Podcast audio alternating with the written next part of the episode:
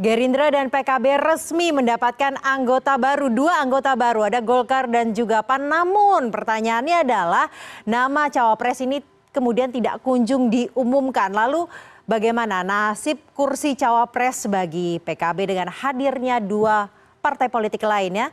Saya akan tanyakan langsung kepada Wakil Ketua Umum PKB Jazilul Fawait. Selamat malam, Assalamualaikum Pak Jazilul. Waalaikumsalam, selamat malam Caca, apa kabar? Baik, terima kasih Pak Jazilul. Saya harap Bapak juga dalam keadaan sehat. Pak, terakhir pembicaraan kita di layar yang sama ini, Bapak menyatakan bahwa takdir PKB setia dengan Gerindra ini tergantung dengan takdir jodohnya Prabowo Gus Imin. Nah, sekarang kan parpol yang bergabung makin ramai. Tapi tadi pas deklarasi eh, nggak ada nih, belum ada nih hilal takdir jodoh pasangan. Gimana nih Pak? Masih takdirnya masih sama Gerindra PKB atau ada yang lain? PKB tentu ya merasa gembira ada teman-teman partai lain yang bergabung, Golkar dan teman PAN. Mudah-mudahan bergabungnya Partai Golkar dan Partai PAN akan mempercepat dinamika di KKIR untuk mengumumkan capres dan cawapresnya. Mudah-mudahan bergabungnya Partai Golkar dan PAN ini akan mempercepat Gus Muhaimin dipilih sebagai cawapres bersama Pak Prabowo, mendampingi Pak Prabowo. Jadi bagi PKB justru mungkin akan lebih mempermudah uh, untuk mengambil keputusan karena memang kan komunikasi dengan Golkar, komunikasi dengan PAN, kan sudah dijalin sejak lama. Mungkin ini kenapa 11 bulan belum diputuskan, mungkin ini, nah setelah uh, dua partai bergabung menjadi koalisi yang super jumbo saya sebut, ini kemudian akan memudahkan jalan agar uh, piagam yang ditandatangani bersama Gerindra, Pak Prabowo dan Gus Muhaimin untuk memutuskan pasangan capres-cawapres segera bisa dilaksanakan. Jadi bagi PKB kehadiran Partai Golkar dan PAN ini akan mempercepat keputusan atau pengambilan keputusan siapa capres dan siapa cawapresnya. Harapan PKB capres dan eh, cawapresnya adalah Gus Muhaimin. Pak Jazilul, jadi tetap optimis ya Padahal kan sebenarnya PAN ini juga membawa nama cawapresnya sendiri, kemudian Golkar kan juga ingin tentunya Pak Erlangga yang dipilih menjadi cawapres, kan belum ada pembicaraan hingga saat ini toh. Tidak ada satupun yang membuat PKB tidak optimis dengan bergabungnya dua partai PAN dan Golkar. Tidak ada satupun apa yang membuat kita tidak optimis. Karena apa? karena dihitung kita sudah mengkalkulasi dan menghitung bahwa pasangan Pak Prabowo dengan Gus Muhaimin itu pasangan yang ideal. Karena dua-duanya mewakili arus yang memang saling menguatkan sipil dan militer, santri dan tentara, Jawa Timur dan Jawa Barat atau Jawa Tengah. Jadi ini menjadi Eh, posisi PKB tetap optimis bahwa Gus Muhaimin akan bersama-sama dengan Pak Prabowo menjadi pasangan presiden dan calon wakil presiden. Ada peluang nggak kemudian justru cawapresnya ini bukan dari tiga parpol yang mendampingi Gerindra, bukan dari PAN, bukan dari PKB maupun Golkar. Ada peluang nggak? Misalnya yang digadang-gadang kan salah satunya uh, Gibran, Sampai detik ini saya belum melihat ada peluang. Karena eh, fakta kerjasama yang sudah ditandatangani PKB dan Gerindra, di mana pun forum Pak Prabowo selalu menyampaikan urusan cawapres itu ada di tangan Pak Muhaimin. Jadi eh, sampai detik ini tidak ada nama-nama lain yang diusulkan di koalisi KKIR ini kecuali yang diusulkan oleh PKB untuk posisi cawapresnya. Jadi tidak mungkin ya cawapresnya ini selain Gus Imin? Bagi PKB tidak mungkin. Karena nah. Pak Muhaimin melakukan kerjasama politik dengan Gerindra itu membawa mandat muktamar. Bagi PKB Jadi, tidak bagi mungkin, PKB, bagi PAN dan Golkar gimana nih, uh, Pak Jazilul? Bagi PKB tidak mungkin secara partai politik berdiri sendiri tidak mungkin PKB. Oh, uh, namun kan saat ini sudah ada PAN dan Golkar. Ini artinya harus dibicarakan secara koalisi. Gimana nih Pak? Ya tentu nanti para elit yang membicarakan itu ya, para ketua umum. Namun bagi PKB saya sebagai ketua lembaga pemenangan pemilu PKB saya juga punya mandat untuk terus optimis dan memperjuangkan Gus Muhaimin maju di Pilpres 2024.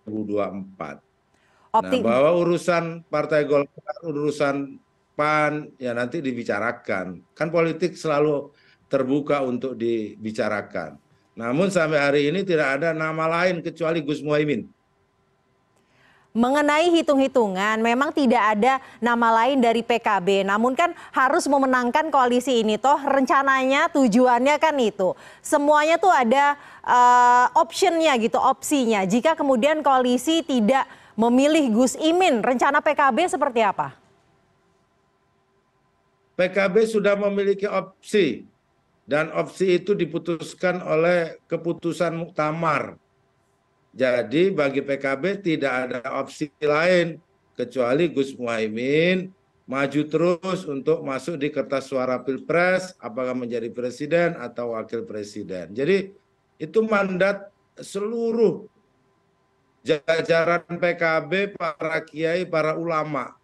Jadi masuknya PAN dan Golkar tidak akan menggoyahkan apa yang menjadi keputusan muktamar PKB ibarat mobil baik semangat teman-teman Pak Jazilul, ibarat mobil, kursi di depan kan ada uh, driver, ada kemudian navigator. Ini harus diisi salah satunya oleh Gus Imin. Jadi kalau misalkan nggak diisi oleh Gus Imin, PKB akan ganti kendaraan, ganti mobil. Tentu hari ini kita fokus pada mobil yang ada ini, yang sudah dibangun hampir setahun. Dan kami tidak berpikir lain kecuali nanti jika ada hal-hal lain tentu Pak Muhaimin sebagai mandatoris mandataris muktamar harus mengembalikan lagi keputusannya kepada partai. Baik. Saya pikir itu mekanisme wajar saja sehingga bagi PKB, bagi seluruh komponen PKB, jajaran PKB, apa yang sudah diputuskan itu untuk diwujudkan. Dan saya yakin Gus Muhaimin akan tegak lurus pada perintah muktamar. Baik.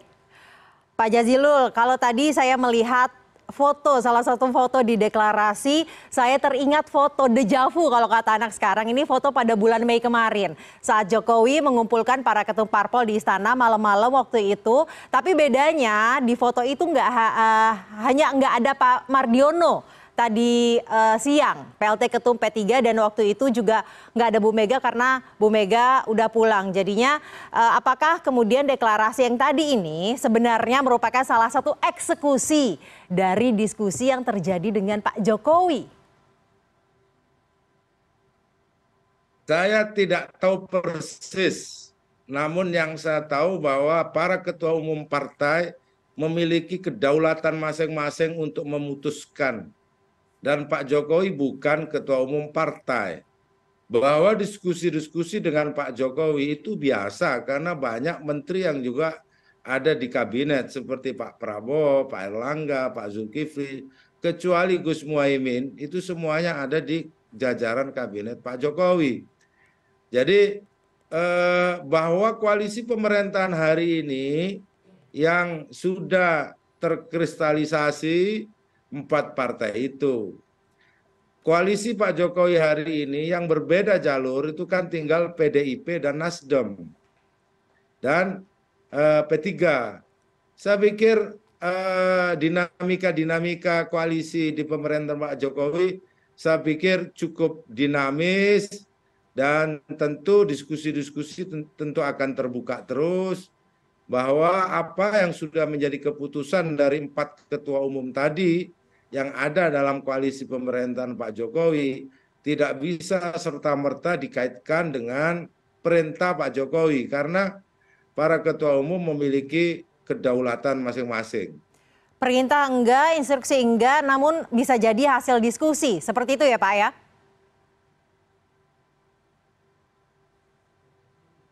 Saya tidak bisa mengatakan iya karena saya tidak ikut diskusi di situ. Baik. Apakah diskusinya soal topik eh, pencalonan presiden atau tidak saya eh, tidak mengerti ya, Baik, apalagi hasilnya. Yang jelas faktanya tadi pagi para ketua umum, empat ketua umum sudah bergabung dan akan memutuskan. Tunggu saja siapa keputusan calon presiden dan calon wakil presidennya. Baik, kita Sebab akan sampai hari ini kabar PKB ya. juga belum memutuskan siapa pun calon presiden. Baik, kita akan menunggu kabar cawapres Ya. dari koalisi Super Jumbo ini yang tadi dikatakan oleh Pak Jazilul. Terima kasih Wakil Ketua Umum PKB Jazilul Fawait telah bergabung bersama kami malam hari ini di CNN Indonesia Prime News. Terima kasih Caca, sehat selalu.